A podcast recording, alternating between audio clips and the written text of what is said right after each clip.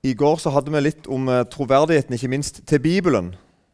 Så altså, Det er en kamp om troverdigheten til Bibelen. Helt soleklart. Det har alltid vært det. Der er det i alle kulturer til alle tider.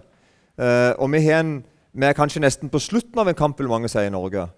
Det ser ut nesten som kampen er tapt. Det er den jo ikke, da. Men det er et stort flertall i Norge i dag som forkaster Bibelen.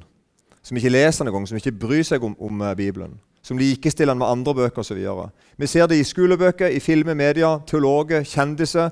Alt på en måte, en vanlig dag i Norge gir oss en sånn helt klar formening om at Bibelen er ei gammel bok liksom, uh, som ikke vi kan tro på. Og akkurat det at hun er gammel, syns jeg er veldig greit. Det hadde vært dumt hvis Bibelen var fra 80-tallet. sånn sett.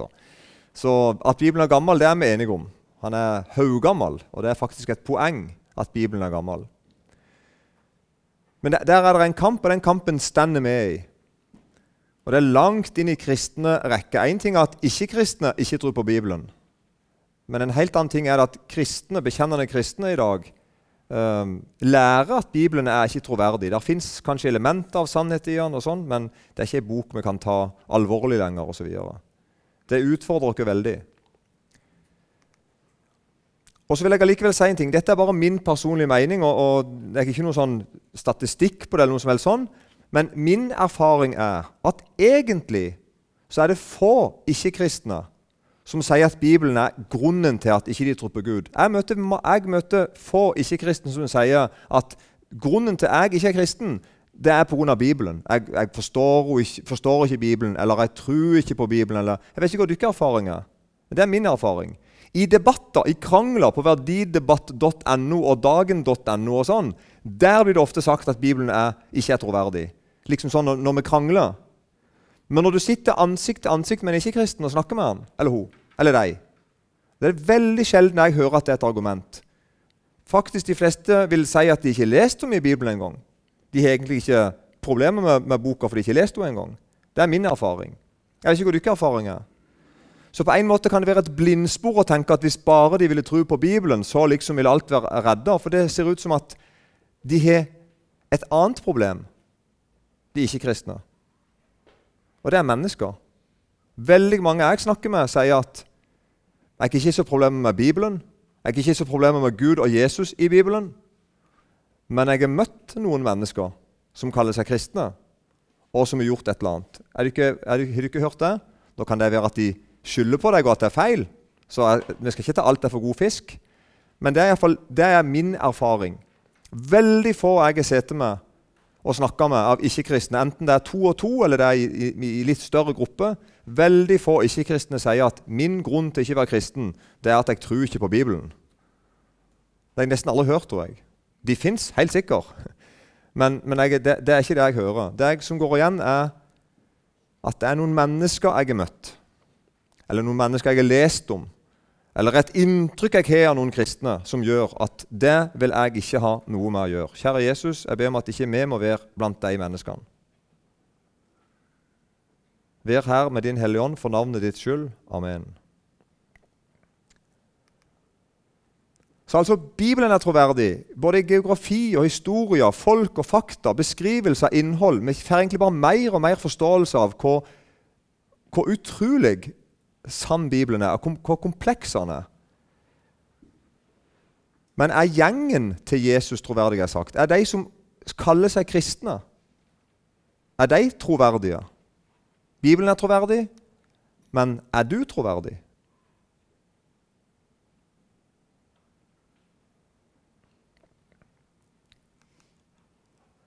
Jeg har skrevet ned noen sånne ting. Dette er ikke noe fasit, i det hele tatt, men jeg har skrevet noen ting som jeg hører at det er typisk at vi sier litt sånne setninger som er ganske sanne. Det er noe, helt klart noen elementer av sant i dem og rett i dem. Og så bruker vi dem til å gjøre oss litt sånn anonyme. Jeg vil som kristen egentlig ikke bli sett på av de ikke-kristne. Jeg vil helst gå i fred. Ikke se på meg. Og da sier vi litt sånn Vi kristne er som alle andre folk, sier vi. Sier du ikke det her? Dette er, nå er jeg på Sørlandet, kanskje, så det, sikkert, det kan være det bommer totalt på dere. dette, Men da, da vet ikke hvordan vi er sørlendinger. Kristne sørlendinger vi sier sånn Vi kristne er egentlig som alle andre folk. Og da har jeg på en måte trukket meg litt unna det. Ikke se på meg. Det sier jeg egentlig da. ikke sant? Samtidig er det jo sant. Vi kristne er som andre folk på én måte. Eller forskjellen på, mellom oss kristne og dere andre det er at vi er tilgitt. Det er jo sant.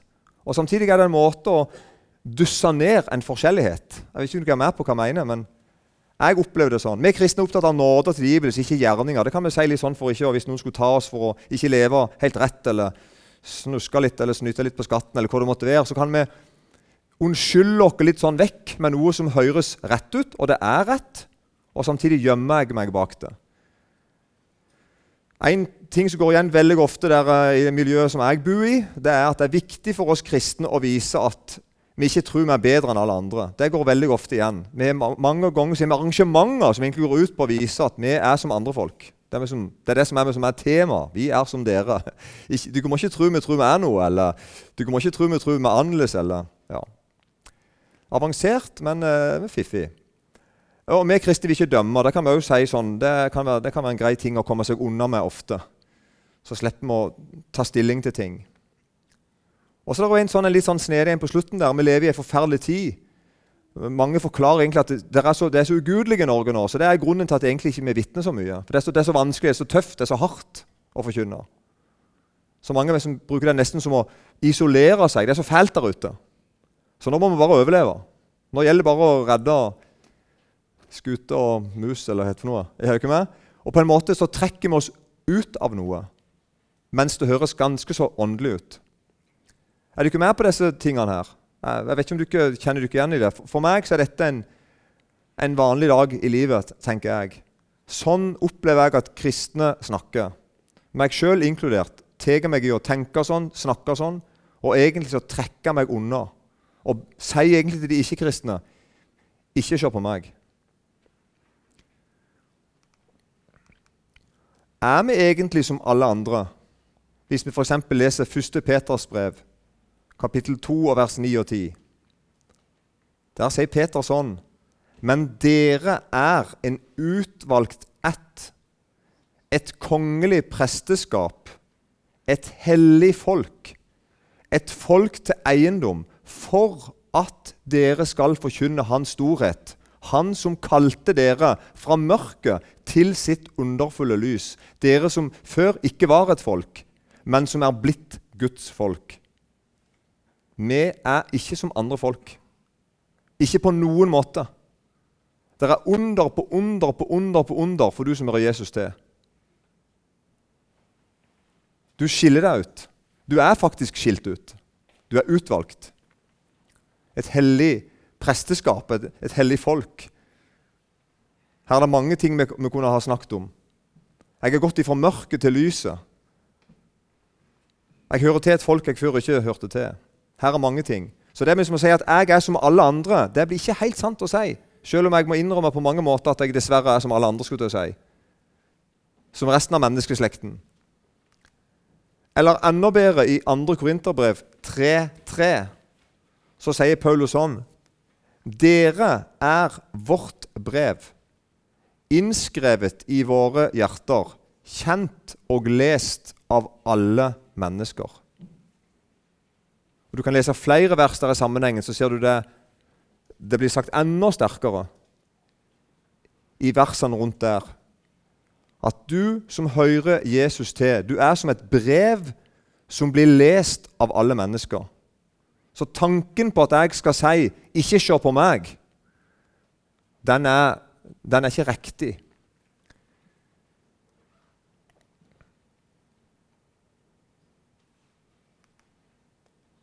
Og Bibelen sier til kristne Legg derfor av all ondskap, all svik og hykleri, misunnelse og all baktalelse i 1. Peterbrev 2,1. Gjør du det, spør jeg dere da. Gjør du det? Eller sier du liksom at 'nei, jeg er som andre folk'? Jeg kommer ikke til å klare det likevel, så vi kan ikke begynne på den uh, vi kan ikke begynne på den galeien. Vi kan ikke gå den veien og begynne å legge, legge, av oss ting, for vi er jo egentlig bare som andre folk. Det tror jeg blir en, i kjølvannet av den anonymiseringen som vi kristne gjør. At vi trekker oss unna noe Bibelen sier. Hva skjer hvis vi ikke gjør det? Hva skjer hvis kristne bekjennende kristne slutter å lese det bibelverset og tro på det? Hva skjer da? Hvis jeg leser det verset og tenker at det vil ikke jeg forholde meg til, Det vil ikke jeg ta inn over meg. Det der vil ikke jeg gjøre et nummer ut av. Hva skjer da? Ja, da skjer det som har skjedd i dette landet.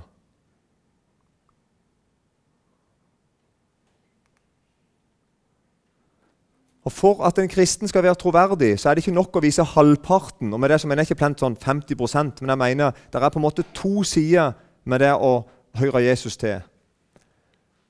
De ikke-kristne ser at jeg vender meg vekk ifra synd, at jeg ønsker å høre Jesus til, at jeg ønsker å leve rent. Men det er ei side til som de ikke-kristne må få lov å se. Og det er hvor jeg går henne med det som går galt. Hvor jeg, hvor jeg henvender meg når jeg gjør galt. Jeg har tenkt ofte for mine egne barn når jeg mislykkes i møte med mine barn. Jeg er far til tre. Når jeg har gjort noe galt mot dem, vært urettferdig mot dem og kjenner at nå har jeg mislykkes, nå har jeg såra dem, jeg har skuffa dem, og så må jeg gå og be om tilgivelse, så tenker jeg at nå, nå, jeg, nå opplever jeg et nederlag. tenker jeg. Og på en måte er det jo det. da. Det er jo dumt at pappa ikke er perfekt skulle jeg si, og ikke, ikke oppfører seg bra. Samtidig vet jeg at nettopp i å spørre om tilgivelse og be om tilgivelse, så lærer jeg òg mine barn om tilgivelse. Er du ikke med? Da blir pappa heil. Da blir mamma heil. Jeg trenger syndenes forlatelse. Jeg trenger en frelser som, som tilgir meg igjen og igjen og igjen. Og Derfor skal jeg, være, skal jeg være en heil, skal jeg være troverdig, så må jeg være heil. Jeg må både, du må både se at jeg ikke ønsker å synde, og så må du se at men når han synder, så går han til én som tilgir. Da blir vi heile. Det er veldig viktig. De største vitnesbyrdene jeg har møtt det siste året, er helt klart av folk som har gjort grove synder, og som har møtt Jesus og som forteller det til, til oss andre. Fortell om ting de har gjort i skjul kanskje i mange år, mens de kaller seg kristne. Særlig en kamerat av meg nå som har levd i skjulte synder i mange mange år. Ingen visste det på bedehuset der han gikk. Han var en flott herremann, leda møter, var med i komiteer og alt mulig sånn. Og så forteller han at jeg hadde noen synder som jeg skjulte. Men nå skjuler jeg det ikke lenger. Og så vitner han om Jesus. Og selv om det er galt, det han har gjort, så kjenner jeg at det er godt å høre vitnesbyrdet hans for det om. Jeg tror på han, jeg tror på det han forteller. Og jeg ser også at Hver dag vitner han for andre om Jesus. Hver dag. Han har gjort noe i fire år. Hver dag forteller han noen andre om Jesus, for han vil fortelle om en som elsker sånne som han, og sånne som de han møter. Da blir vi troverdige. Jeg skal fortelle en historie som var fra da Ronald Reagan var president i USA. Det er ganske lenge siden, og det er poenget mitt. Eh, det var i eh, sånn 1979, tror jeg det var. Jeg er født i 1973, så i 1979 så var jeg sånn ca. seks år. Nei, hvor blir jeg? Sju? Åtte? Hvor blir jeg? Og jeg gikk på bedehuset hjemme i bygda mi. Og akkurat det, akkurat det året der, 79-80, så var det ganske sånn bevegelse på bedehuset. Der gikk ganske mange folk på møtene. Og det, når det var fullt hjemme, så var det sånn 70-80-90, kanskje. jeg vet ikke, På det gamle bedehuset. Det var ganske, sånn langt bedehus. Og de som kom i Lillesalen, de måtte jo, de gjorde jo talen nesten dagen etterpå. Og der, der satt jeg ofte, jeg begynte ofte møte ah, litt sånn bak på siden av kompisene mine. Og så i løpet av møtet så hadde jeg en tendens til å havne mellom foreldrene mine av en eller annen merkelig grunn. Eh, de kom og henta meg som regel og sa at 'kom her, sett deg her'. Eh, jeg, husker, jeg, tror jeg satt mellom foreldrene mine når dette skjedde, for det var litt sånn ute i møtet. Talen var ferdig. Møtet var sånn, begynte å gå mot slutten. Og, og det var stinn brakke, fullt hus. 70, 80, 90, da, som sagt. Eh, både voksne og unge og gamle og sånn. Og så sitter jeg ganske langt bak, med ganske full oversikt, en eldre mann i bygda, en respektert mann i brun dress. En arbeidsgiver for mange i bygda. Voksen. Han reiser seg opp. Og jeg forstår med en gang, Selv om jeg var ikke så stor, så skjønner jeg at han, han står ikke på lappen til han som leder. Han er ikke bedt om ordet. Han her fyren her, han reiser seg opp litt sånn bare sånn Det er noe han kom på nå. Og så var det så rart når han gikk, for han gikk sånn, På en måte så ut som at han hadde ikke lyst, og på en annen måte så ut som at han måtte. Helt sånn rar gange. Sånn der, sånn. Men han, han, og han gikk da framover. Han, liksom han satt ganske langt bak han òg. Så kom han gående fram, øh, i midtgangen. Og jeg satt liksom sånn der en plass og så på. Så gikk han fram her. Og så gikk han bort til en mann som satt på fremste benk, og det var taleren, forkynneren. Og så sier han noe sånn Jeg hørte noen, noen, av ordene, ikke alt, men jeg hørte deler av det han sa. Der, han rettet ut ei hånd. Han grein. Og så sa han, 'Kan du tilgi meg, for jeg har baksnakka deg?' 'Jeg har snakka stygt om deg i hele bygda.' Og Han hadde snakka så stygt om han til så mange at han fant ut at 'jeg må bare si det til alle'. For jeg, har snakka stygt om han til nesten alle her inne. Så han bare bekjente det. Jeg er baksnakka, jeg har gjort synd mot deg. Kan du tilgi meg? Og han er predikanten, da. Jeg kommer ikke på hva han heter. og det samme kan det være. Eh, han ble litt sånn satt ut av det. og Han reiste seg opp, og så sa han ja. Det var greit. Og så tok de hverandre i neven, og så tok de sånn en klein gutteklem med hånda imellom her. og litt sånn. Uh, dette var 70-tallet, må du ikke huske. Mannfolk ikke klemte hverandre. Skjønner du ikke, Forsto du ikke fortellingen? Jeg så at en voksen mann helt sånn frivillig, på en måte, møtte Gud på en sånn måte i samvittigheten sin, i hjertet sitt, i tankene sine, at han, at han kjente at det er ei synd jeg må bekjenne og vende meg ifra. Jeg vil be om tilgivelse, og jeg vil si til de andre i, i forsamlinger som jeg på en måte har synda sammen med, at jeg vil, jeg vil, ikke gjøre sånn. Det var en enorm opplevelse. Jeg skal aldri glemme det. Han er død nå, han, han som gjorde det. En fantastisk fortelling. Og hun er til meg sann. Det er ett problem òg. Det er et stort sånn, problem for meg med denne fortellingen. Det er sist gang jeg opplevde noe sånn på et bedehus i Norge. 1979. Det er rimelig lenge siden. Når jeg spør faren min, som er en gammel mann, han er født i 1931, så sier han at det var ikke så uvanlig før. Ikke at de holdt på med det hver kveld, altså, men det var ikke så vanlig før. At voksne mannfolk og kvinnfolk òg bekjente synder til hverandre og gjorde opp rett i ansiktet på det det angikk. Sånn at hele menigheten på en måte fikk med seg at her er det folk som har gjort gale ting, og som ber om tilgivelse. Nå kan det være at du ikke gjør det her, så jeg har ikke mynta dette på dere. Jeg har ikke tenkt at nå skal jeg fortelle dette spesielt til denne forsamlingen her, for dere har hørt med som ikke gjør dette her. Men jeg har levd litt rundt forbi i Norge, og det er, det, det er den samme fortellingen overalt. Kristne gjør ikke sånn lenger. Hva er som har skjedd for noe? Jeg spurte far min når slutta vi med dette. liksom? Var det et styremøte en gang og vi fant ut at sånn vil vi ikke gjøre mer? Eller har vi blitt litt sånn fine på det? Eller har vi, en andre arena? Går vi mer? skjønner ikke? Jeg tror vi slutta med det. Jeg vet ikke hva du ikke tenker. Jeg mener jo ikke at vi skal gjøre sånn i offentlighet hver kveld. Du, du kan skjønne fortellingen, sant? Men det forteller oss noe veldig alvorlig om det vi snakker om i kveld, om troverdigheten vår. Jeg sitter og snakker med mange folk og, og, om Jesus, om kristendom, om tida vi lever i, alt mulig. Og, og man, En typisk ting å si til hverandre er at 'jeg er en synder'. Og det er noen som jeg kjenner litt godt, da, som jeg tør å utfordre tilbake. Og så spør jeg fortell om et par, Vi synder hver dag, sier noen. Og så spør jeg tilbake Fortell om et par synder. Og da blir de fleste fornærma. Det var ikke sånn meint. Jeg vil bare si at jeg er en synder. Jeg vil bare ha det på et teoretisk plan langt der borte. Der vil jeg ha syndeerkjennelsen min. Det som skjer med meg og deg da, det er at Guds nåde òg blir der borte i teorien. Vi bekjenner noen teoretiske synder og mottar noen teoretisk nåde og går et teoretisk kristenliv videre. Dette er alvorlig, og dette ligger meg på hjertet å si til dere.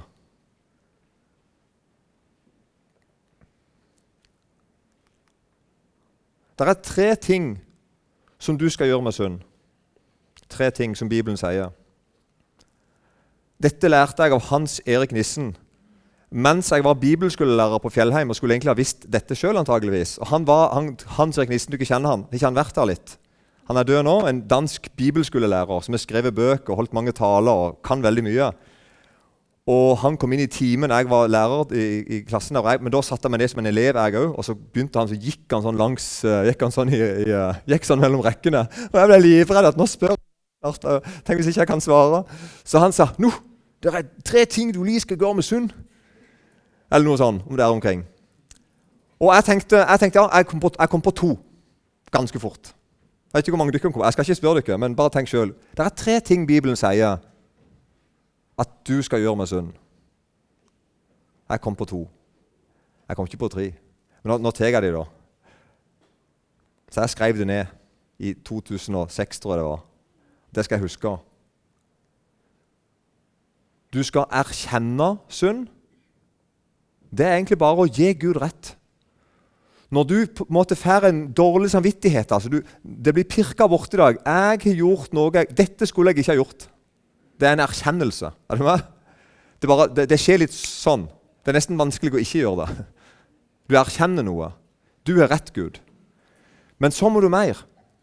Du må bekjenne det. Det vil si en aktivt at du gir Gud rett. Å bekjenne vil egentlig si å si det samme som. Du sier til Gud ja, du er rett i at jeg har gjort noe galt, og så bekjenner du tilbake til Han. Jeg har gjort noe galt. Kan du tilgi meg? Og så er det den tredje, den tredje tingen som jeg ikke kom på. Du skal stikke av. Du skal flykte eller fly, eller jeg vet ikke hvilke ord vi skal bruke på det. Du skal gå bort ifra synden. De tre tingene. Det må kjennetegne oss kristne. At vi erkjenner synd, at, altså, at, vi er ærlige. Ja, det var galt av meg. Jeg skal ikke pakke det inn. Jeg skal ikke tåkelegge det. Jeg skal ikke dulle med det. Jeg skal erkjenne det, og jeg skal bekjenne det. Først og fremst for Gud. Men kanskje òg for noen av og til som du gjorde det imot. Og så skal du komme deg derifra. Ikke opphold deg på de plassene der dette skjedde. Ikke oppsøk synden igjen. Kom deg derifra. I 1. Johannes brev, kapittel 1 og vers 5, og så til kapittel 2 vers 2, skal vi lese det sammen. 1. Johannes brev 1, 5. Og dette er det budskapet vi har hørt av ham og forkynner dere. Gud er lys, og det er ikke noe mørke i ham. Dersom vi sier at vi har samfunn med ham, men vandrer i mørket, da lyver vi og gjør ikke sannheten. Og Det å vandre i mørket vil egentlig si altså at jeg, jeg lever ikke i erkjennelse, bekjennelse, og jeg flykter ikke. Jeg blir gående med sundet. Men dersom vi vandrer i lyset, liksom Han er i lyset, da har vi samfunn med hverandre, og Jesu, Hans Sønns blod, renser oss fra all synd. Dersom vi sier at vi ikke har synd, da bedrar vi oss selv, og sannheten er ikke i oss. Dersom vi bekjenner våre synder, er Han trofast og rettferdig, så Han forlater oss syndene og renser oss fra all urettferdighet. Dersom vi sier at vi ikke har syndet, så gjør vi ham til en løgner, og hans ord er ikke i oss. Så en troverdig kristen han, han innrømmer at han har gjort noe galt. Mine barn, dette skriver jeg til dere for at dere ikke skal synde.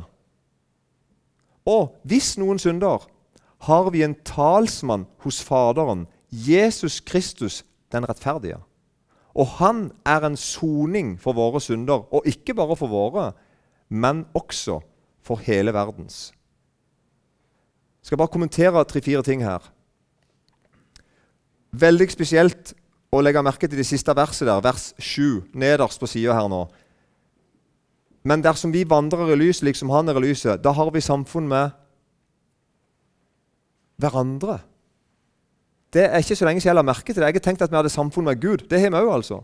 Men her sier Johannes at når vi lever i lyset, når vi lever i oppgjort, med en god samvittighet, og syndene våre er tilgitt, ikke sant? vi er bekjent, og, og alt, er, alt, er, vel mellom meg og Gud, så får jeg samfunn med hvem da? Dykke andre som gjør det samme. Det som fører meg og deg sammen som brødre og søstre, det er syndenes forlatelse. Det hellige samfunn er et samfunn av syndenes forlatelse. Det som binder sammen. Det er Guds nåde som fører meg og deg i sammen, som gjør oss til brødre og søstre. Så når jeg ikke lever i mørk, når jeg, ikke, når jeg lever i lyset, og du lever i lyset, så får vi samfunn med hverandre. Og Jesu, hans sønns blod, renser oss ifra all synd. Det er en fantastisk skulle jeg si, hemmelighet, eller hva skal man kalle det. da? Sannhet er det iallfall. At jeg og deg får samfunn med hverandre fordi Jesus elsker oss til døden. Det er den ene tingen.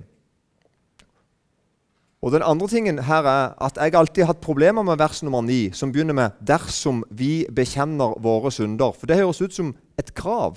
Og jeg har alltid tenkt at det der er litt, Den setninga liker ikke jeg. Jeg kunne ønske jeg hadde lest det på andre språk. men som kan ikke, håper det er en bibel som på en måte har et litt hyggeligere uttrykk. For Det høres litt ut som at det er en slags Er ikke, altså, er ikke Guds nåde helt gratis? Er ikke det å bekjenne for å bli tilgitt blir ikke det på en måte sånn en lovisk handling? på en måte? Er det ikke meg? En gjerning jeg gjør? Så jeg, jeg, jeg, litt sånn, Hvordan skal jeg forstå denne setningen? Dersom vi bekjenner våre synder, er Han trofast og rettferdig. Men først og fremst betyr den setningen der at når du, når du bekjenner synder, så skal du erfare at Gud er rettferdig.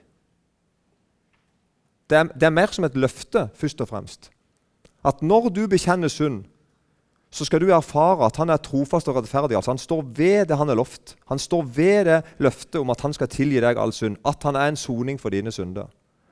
Og Da blir det egentlig motsatt. Hvis jeg ikke går til Jesus med synda mi, så erfarer jeg ikke lenger at Gud tilgir meg synd. Jeg trekker meg unna. Så det er, ikke, det er, jo ikke, en belønning. Det er ikke sånn at Gud sier at 'nå var du så flink å bekjenne, derfor skal jeg tilgi deg'. Nei, det er når jeg kommer med mine synder, så erfarer jeg at Gud er sånn som han sier at han er. Og Så står det allikevel en ting til. Der står at han er trofast og rettferdig, så han forlater oss syndene. Det er jo en tilgivelse. Det at jeg blir skyldfri. Så står det mer òg. Han renser oss ifra all urettferdighet. Det, er noe, det preger deg når du møter Guds nåde. Når du møter syndenes forlatelse. Når du leser i Bibelen og hører at Gud kan tilgi meg mine synder. Han kan tilgi at jeg baksnakket noen i går. Jeg kan si det til Jesus. Kan du tilgi meg? Og så sier, sier Guds ord at han kan det. Han har makt til å gjøre det. Han ønsker å tilgi meg min synd. Da skjer det noe med livet mitt. Jeg får ikke lyst til å gjøre det mer. Livet mitt blir prega av at Gud tilgir meg. Det blir ikke sånn at 'Å ja, du tilgir meg, da kan jeg gjøre det mer'. Nei, det er, sånn, er, er, det vel sånn? Det er ikke sånn vi opplever det. Når jeg møter Guds nåde, så skjer det motsatte. Jeg har ikke lyst til å synde mer. Der hos Jesus i Guds nåde, der kjenner jeg jeg har ikke lyst til å synde mer. Jeg vil være hos Gud. Jeg vil følge Han. Jeg vil være som Han. Tenke som Han.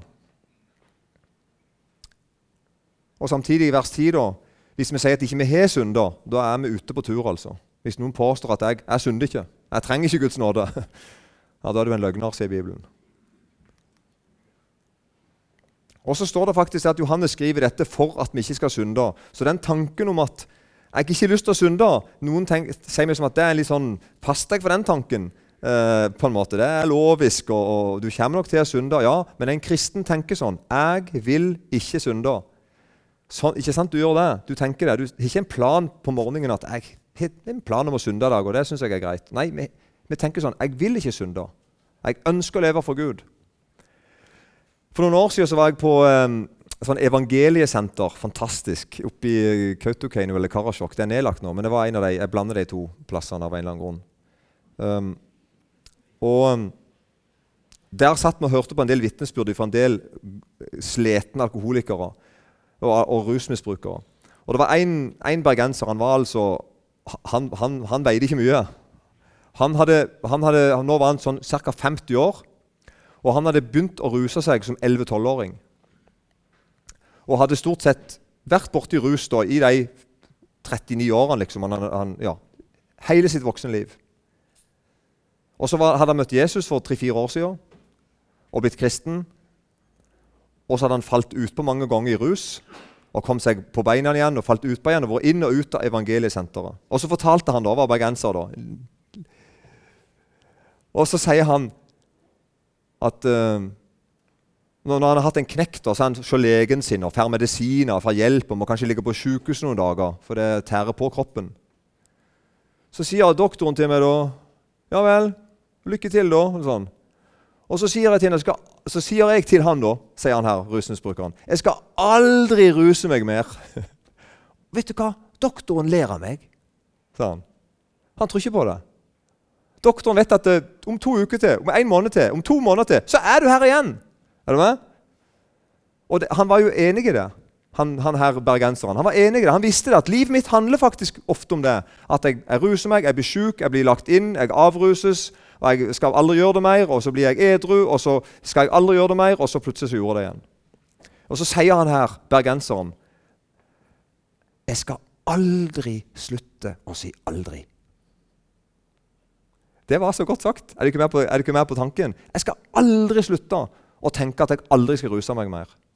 Om jeg skal ruse meg 1000 millioner ganger til, så vil jeg tenke sånn når jeg blir edru. Dette skal jeg ikke gjøre mer. Og Jeg kjenner meg så igjen som kristen når jeg har gjort noe som jeg, jeg skulle ikke ha gjort det. Og så går jeg til Jesus og får tilgivelse. Jeg ser i Bibelen at Gud ser i nåde til meg. Han tilgir meg. Han gir meg, han gir meg en, en, ny sjanse. Han reiser meg opp. Han tar vekk skammen, han tar vekk skylda. Og da tenker jeg dette skal jeg aldri gjøre mer. Det er kristelig å tenke. Og Her ser du en av plassene. Johannes skriver at når jeg skriver dette her til dere nå, så er det med tanke på at du ikke skal synde mer. Og så legger han til og hvis noen synder, så har vi en talsmann hos Faderen, Jesus Kristus den rettferdige. Så du som hører Jesus til akkurat nå, du har, du har din egen advokat. Han reiste faktisk opp etter å ha stått opp ifra de døde. Så reiste han opp for å sette seg ved sida av Gud, Faderen. Og der sitter han som din advokat. Han er din talsmann, og han er din rettferdighet. Så akkurat nå, du som hører Jesus til, akkurat nå, og akkurat nå Og når du legger deg i natt, så har du rett på sida av Faderen en advokat, en talsmann, en stedfortreder, som er din rettferdighet akkurat nå. Det er ikke småtteri. Han er din talsmann. Han er min òg. Og han er en soning for våre synder. Det er en kontinuerlig ting. Han, han er en soning. Han, han, tar skylda. Han er tatt skylda. Han, han går god for meg, og han taler min sak for Gud. Du har en frelser som rett og slett akkurat her og nå er en soning for dine synder. Du som har synder å bekjenne, du kan bekjenne dem. Det går an. Det er, et poeng i å bekjenne dem. For du har en som er en soning for dine synder. Og det, det er her, når en ikke-kristen møter oss mens vi er her, så skjer det spennende ting. skulle jeg si.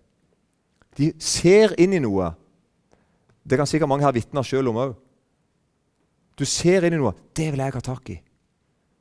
Det der som du har, vil jeg ha. Jeg òg vil ha en talsmann i himmelen. Jeg òg vil ha en rettferdighet på sida av Gud. En som går god for meg. En som frelser meg, en som tilgir, en som er en soning for mine synder. Dette er hemmeligheten, eller hvordan sier det da, med hvordan vi kristne skal oppføre oss. Der skal vi leve. Hos Jesus.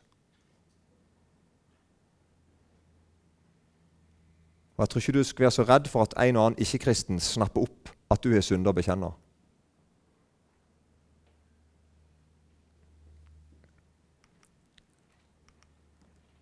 Og Så er det viktig å si bare helt til slutt som jeg begynte med å si helt i begynnelsen, så sa jeg det at jeg tror mange som ikke er kristne, vil si at grunnen til de ikke er kristne, er noen mennesker som ikke oppfører seg som de skal. ikke sant? Og så skylder de på pastoren eller presten eller foreldrene eller søndagsskolelæreren eller kirka eller bedehuset. ikke sant? Da er det viktig å si allikevel at til sjuende og sist så kan ingen skylde på noen andre mennesker. Til sjuende og sist så står alle mennesker ansvarlige innenfor Gud. Det gjelder alle. For det er ingen forskjell. Alle har synder og mangler Guds herlighet sier Paulus i Romerbrevet kapittel, 20, eh, vers 3 og vers, eh, kapittel 3 vers 22. Og så legges det til altså For det er ingen forskjell. Alle har synder og mangler Guds herlighet. Og de blir rettferdiggjort for intet av Hans nåde ved forløsningen i Jesus Kristus.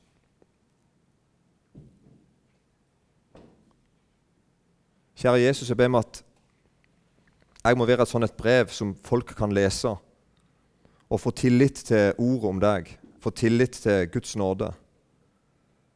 Jeg ber om at jeg ikke må trekke meg unna det på en eller annen kristelig måte og tro at jeg kan snike meg unna på en måte ansvaret og, som jeg har med å høre deg til. Jeg ber deg Jesus at ikke vi må være stolte, sånn at ikke vi ikke vil innrømme konkrete synder, men heller bare snakke om synder og snakke om nåde, i stedet for at det blir noe konkret, noe her og nå, noe sant. Og takk at du vil høre på det gale jeg har gjort, og du vil tilgi. Takk at du vil tilgi, og takk at du kan tilgi. Og takk at det gjelder alle her inne, uansett hva de har gjort. Så har du frelst dem. Amen.